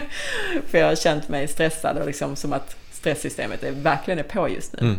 Och då kom vi in på mig som en liten fyra femåring mm. och så, som jag inte alls trodde innan. Nej, och vi, vi kopplar ju inte det för att vi har inte minnet av hur det var, men att vi minns genom känslor. Mm. Och, men också som du upplever att det, det var lätt för dig att få uppmärksamhet och omtyckt när du var duktig och ur vägen. Mm. Du ställer inte till problem. Mm. Det vill säga, du får kärlek när du gör bra ifrån dig. Så vad händer då? Vem är det då när du inte gör bra ifrån dig? Då måste du göra bra ifrån dig hela tiden. På tal om prestationskrav och höga krav på sig själv. Mm. För det innebär att om du gör bra så är du bra och då är du värd att älskas. Då blir du omtyckt. Så det är liksom ja, men lite som det är lite kärleksvaluta. Men att kunna se det att inte för just för dig, inte bara för dig idag, utan just att det inre barnet kan känna jag är värd att älskas och jag är bra precis som jag är. För jag vet, du hade en upplevelse att du gick till henne och var hos henne och bara kramade om henne. Och att, som att någonting bara föll. Att kunna få en kram, att kunna få trygghet, att kunna bli sedd och bli älskad utan motprestation, utan man måste liksom göra rätt. Det kan ju vara en väldigt stark upplevelse. Mm. Inte bara att kunna tänka det, utan att man känner det. Att det är en känslomässig upplevelse. Och det är just det, det är det som är det undermedvetna språk. Känslor och bilder. Och det är väl lite det som är skillnaden. Att det jag gör, jag vill prata det undermedvetna språk. Och då handlar det om att till exempel känslor, bilder eller vad det nu är. För att då kan vi komma fram till en lösning som ofta är mycket närmare än vad man tror.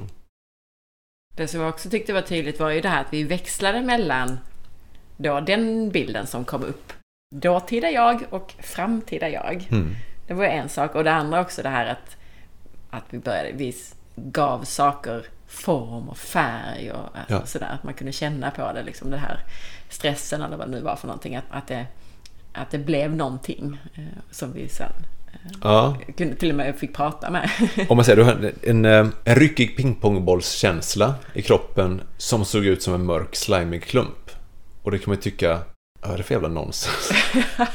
vad är det för jävla konstig fantasi? Och så blev det liksom ett rosa lilla påskägg som utstrålade ljus energi sen. Ja. När det blev en, en önskade känsla. Men saken är att, om man ska se den här stressen som du bar på. Varför den finns, det, det, det innehåller ju så oerhört mycket information. Alla gånger som du har känt dig stressad. Din identitet som en stressad person. Eh, alla upplevelser, alla minnen. Ska vi sitta och prata om det? det blir en jävligt lång session. Men det är ofta det man gör under år efter år efter år, bara pratar om all information. Om vi liksom komprimerar det till en sak, till någonting som, vi kan, som är hanterbart. som vi kan titta på. Och dessutom ja, prata med den, så kan den få förklara sig. Vad som ofta är, är att de här rädslorna vi bär på, vad sa den? Den finns där för att undvika fara. Det vill säga att den är inte emot dig, den vill inte förstöra för dig. Den vill ju göra dig trygg. Mm. Den vill se till att du är skyddad. För då, då kan du ju blomstra. Och då kan du må bra. Men att den är ju lite felinformerad. För att du behöver inte det där skyddet, du är inte i en fara. Och att när man då dessutom omvandlar den här symbolen. Det är ju en symbol, en representation för all den här informationen som finns om problemet. Om vi ändrar om symbolen så känner, då känns ju inte den här gamla informationen igen riktigt. Speciellt om man inte ger en ny betydelse. Och betydelsen var att ge dig trygghet och stabilitet. Och att ge dig lite av den här, den här lysande energin. För att då får du ju tillbaka energin. För stress är en väldigt stark energi. Och vi, vi, kan inte förstöra energi eller ta bort energi, men vi kan omvandla den. Så om kroppen, eller det undervetna, är övertygat om att det du känner är en positiv energi, det är stabilitet, det är trygghet och det är det här ljuset, utstrålningen, glädjen, så kommer det agera som om du tolkar det som att det är så. Vilket gör också att du blir alltså, lugnare för att du blir gladare. Du mår bättre och då kan också lättare ta till dig nya beteenden som främjar att du är mer avslappnad. Som du sa, vad kan du göra? Vad kan du ta för nödvändiga steg? Göra en sak i taget och sänka kraven på dig själv. Mm. Och som du sa också, ja, nej, men det känns lite svårt. Ja, men det är klart. För att du har det lilla barnet inom dig, så det är klart du inte kan sänka kraven, då blir jag inte älskad. Jag måste ha högre krav, då får jag kärlek. Men sen har barnet sagt, nej men just det, jag är ju älskad ändå. Du behöver inte ha så höga krav på dig själv. Men skillnaden är då kanske då att då kan du ju prestera för att du vill göra det. Då kan du välja, när det inte blir ett måste. För det, det är det som kan vara missuppfattningar, men då har man inte liksom, då finns det inte drivet. Jo, för fan, men då är det ju då är det inriktat på en mer realistisk vilja. Vad vill man uppnå? Det är många som har, om vi ser på målsättning, att målsättning, att jag vill ha eh, det där huset, eh, det där äktenskapet, den bilen, den här, eh, jag vill ha 10 miljoner på banken för att det gör mig lycklig. Och då lägger man det här villkoret. När jag har det, då blir jag lycklig. Istället för att se, vad är, det, vad är det du vill känna? Ja, lycka. Det kan du ju redan. Du kan ju känna lycka. Du behöver inte lära dig lycka, det, det finns ju redan i dig. Som vi först ser på, ja men om vi, vi fokuserar mer på lycka först, så tror jag det blir mycket lättare för dig att få det här jävla äktenskapet eller bilen eller 10 miljoner på banken, till och med 20 miljoner på banken. Eh, eller den här fantastiska bilen du vill ha. För att det finns inte samma spärr, det finns inte samma hinder eller måsten. Det är inte samma ansträngning. En bieffekt kan ju vara också att jag behöver inte det. För att jag är redan där jag vill vara. För vad många upptäcker det också när man väl kommer dit. Jaha, det var visst inte det. Det måste vara en snyggare bil, en snyggare fru. Eller 20 miljoner på banken. Det är det som gjorde det. Jag hade fel mål. Istället för att ha, ha liksom rätt syfte. För vad vill vi uppnå? Jag vet inte, någon slags lycka är det väl som vi alla vill känna. Mening. Mm, precis. Och apropå det då, Även om några antagligen kommer att uppsöka dig eller någon annan som de kan få någon form av hypnosterapi av. Vad kan man göra hemma för att ta stegen mot alla de här sakerna eller göra någon form av självhypnos eller hur, hur funkar det? När det kommer till förändringar så är ju alltid första steget medvetenhet. Att förstå vad det är som händer eh, och att också vara medveten om att den här känslan som man känner, det är inte jag. Utan det är, mer, det, det, det är ett inlärt beteende. Att kunna ha lite distans till att när jag, eh, när jag blir så här ledsen eller, eller eh, liksom får sådana här skamkänslor eller liksom tänker dumma saker om mig själv. Så är det bara, det är bara ett program som spelas upp. Det är inte, det är inte min personlighet. Och kan man ha distans till det så kan man också men se på det på ett annat sätt som gör att eh, vad, vad, som verkligen är riktigt. Det är inte hela, det är inte hela grejen såklart.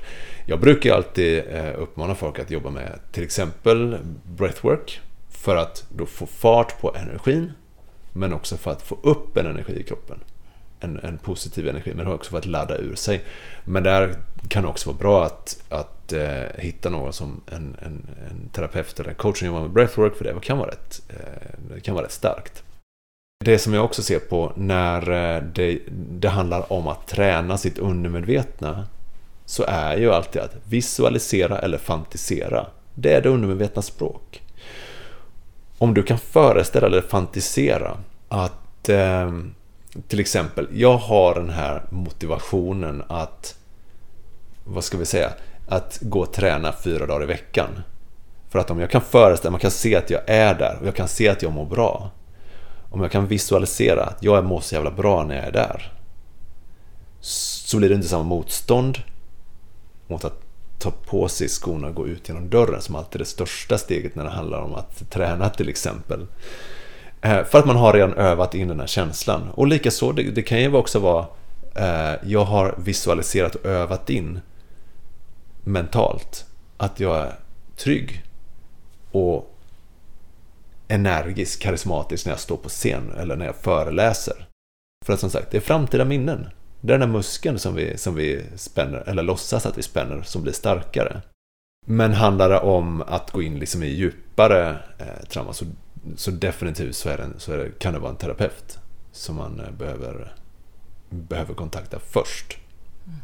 Men det är väl liksom det som eh, jag absolut skulle rekommendera. Att, och inte, alltså inte ta så lätt på det här med alltså fantasi och visualisering att det faktiskt händer någonting mm. när vi sysslar med det. Det är det undermedvetna språk. Det är bra, för det är ju hur ofta pratar vi inte negativt till oss själva i våra tankar? Vi är våra allra bästa hypnotisörer. Mm, precis. För att saken är, när man tänker saker om sig själv, risken är att man lyssnar. Mm. Att man säger så här, ja men jag är, som du säkert säger, jag är så stressad. Mm. Vad det är en instruktion. Ja, precis. Du berättar för dig själv, så här är jag.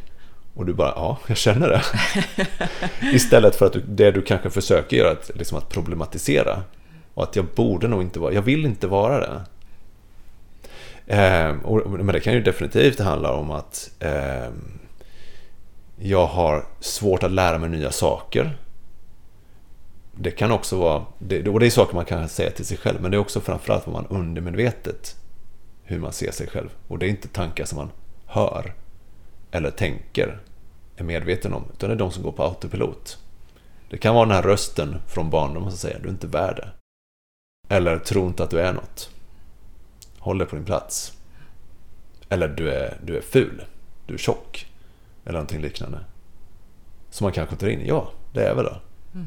Och så finns det kvar där som ett stor propp.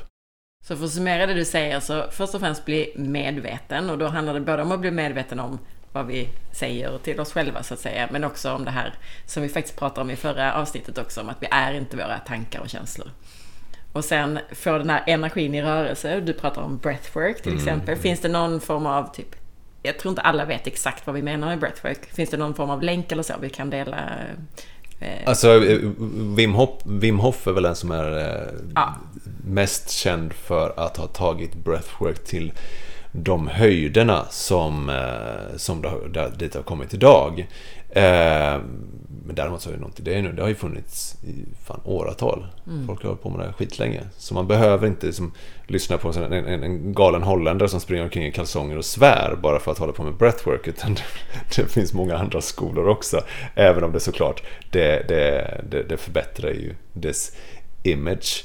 Eh, men överhuvudtaget, ja men som, som, du säger, att, att, att vara noga med sin energi och veta också att känslor, eller till exempel rädslor, det är energi. Och den vill uttryckas. Mm. Att man kan ju se på sådana saker som att, att bara röra sig, hur det faktiskt kan vara, även om det kan kännas fånigt. Eh, att röra kroppen. Jag har sagt det till en del klienter när är, som är kanske inne i en stark eh, känslomässig energi som de kan ha svårt att bryta. Eh, typ öppna ögonen och ställa på golvet. Gör så många knäböj som du orkar. Kom tillbaka, kom tillbaka till mig när, när, när du inte orkar mer. För vad som händer där är att då energin får utlopp. Istället för att fastna igen. Som den är van att göra. Då går den till musklerna. Och till benen som har de största musklerna. Och mest muskler. Och då, då, kom, då kommer energin att mattas av till exempel. Så om man ska sammanfatta det här kort, träna mer så mår du bättre. Precis. Men det kan väl också vara bra att tänka, eller i andra sammanhang brukar jag prata om det här om att känna in känslan, alltså förnimmelsen av den så att säga. Verkligen, ja. Mm. Och det gjorde vi ju lite under min session också, alltså var sitter den och hur känns den i kroppen så att säga. Ja. Men bara, vara medveten om att utan din tolkning, hur känns den då? Ja, men det känns som att den trycker uppåt och utåt. Och det kan vara intressant att se, okej, men det, det är någonting som beter sig i kroppen. Och att det behöver inte vara, precis som man pratar om rädsla och spänning. Det är upp till tolkning vad den är för någonting. Om du åker berg och dalbana, vad känner du då? Hade du inte vetat vad du gjort, då hade du känt en fruktansvärd rädsla för ditt liv. Men nu vet du att det är massa du vet, ingenjörer som jobbar med säkerhet, du vet att du, du förväntar att ha roligt, då blir det spänning istället, då blir det kul. Just det. Men de har helt olika effekt på kroppen. Så medvetenhet, energin där och få den i rörelse Mm. och visualisering. Och då handlar det då kort sagt om att visualisera hur man vill ha det istället. Absolut. Det handlar om att, att, att träna hjärnan till ett eh, nytt och önskat beteende. Vi pratar inte om någon slags bypass, man, inte ska, man ska inte låtsas om det som är jobbigt. Utan det finns ju också en del att det kan ju att, att handla om att träna sig till att eh, se jobbiga situationer och kunna stå kvar där. Det handlar absolut om att, att man ska låtsas att någonting inte är jobbigt. Men till exempel visualisering är fantastiskt när det kommer till eh, enklare saker som man vill, vill ska bli eh, sanna. Eh, som inte har med att det finns något svårt känslomässigt hinder i bakgrunden. Som jag pratade om, att man känner sig eh, trygg när man står på scen. Eh, hur man vill känna när man går in i ett rum till exempel. Är det några andra konkreta råd som vi kan sammanfatta det vi har pratat om? Alltså det, det finns så mycket, jag höll på att säga, det finns så mycket guldkorn i det här. Det, här det jag kan sammanfatta det om, eh, om egentligen, det är ju den, den, alltså den, den stora sanningen som ligger bakom och som jag tror är svaret på många människors problem. Det är att du behöver älska och acceptera dig själv och eh, slappna av lite mer. Men det är ju som sagt, det är bara ord när jag säger det. Men när, när kroppen verkligen förstår det och tar till sig det som en sanning, när det går ner från huvudet och sjunker ner resten av kroppen, det är då som den här verkliga stora läkningen sker. Kanske är det så att vi behöver lära kroppen att, eh, att man älskar att acceptera sig själv och att det är helt okej att slappna av lite grann. Perfekt. Det var ungefär vad jag sa. Du frågade vad önskar du dig när du liksom, efter den här sessionen så säger men att jag känner mig lite mer chill. Så. Ja, men jag menar det. Och det är ju liksom, visst, det är ju enkelt, men det behöver inte betyda att det är lätt bara för det. Nej. Men så är det. Alltså, utmana på det. Är inte det sanningen? Vill du må bättre? Älska, acceptera dig själv och slappna av lite mer. Perfekt, vilka bra ord. Var eh, hittar man dig då om man nu blir nyfiken? Om man är i trakterna så finns jag i Simrishamn, men jag jobbar ju till eh, nästan, ja men mer än 90% online. Eh, man hittar mig på ahtola.se, ahtola stavas A-H-T-O-L-A. Eh, du kan också bara söka hypnostalang så kommer du säkert hitta mig. ja, precis. Vad bra. Är det någonting vi har missat? Vi har missat att pusha för min podd 1, 2, 3 öppna ögonen. Tusen tack Dan för all din tid och för att jag fick testa på. Tack så mycket Anna, tack för förtroendet.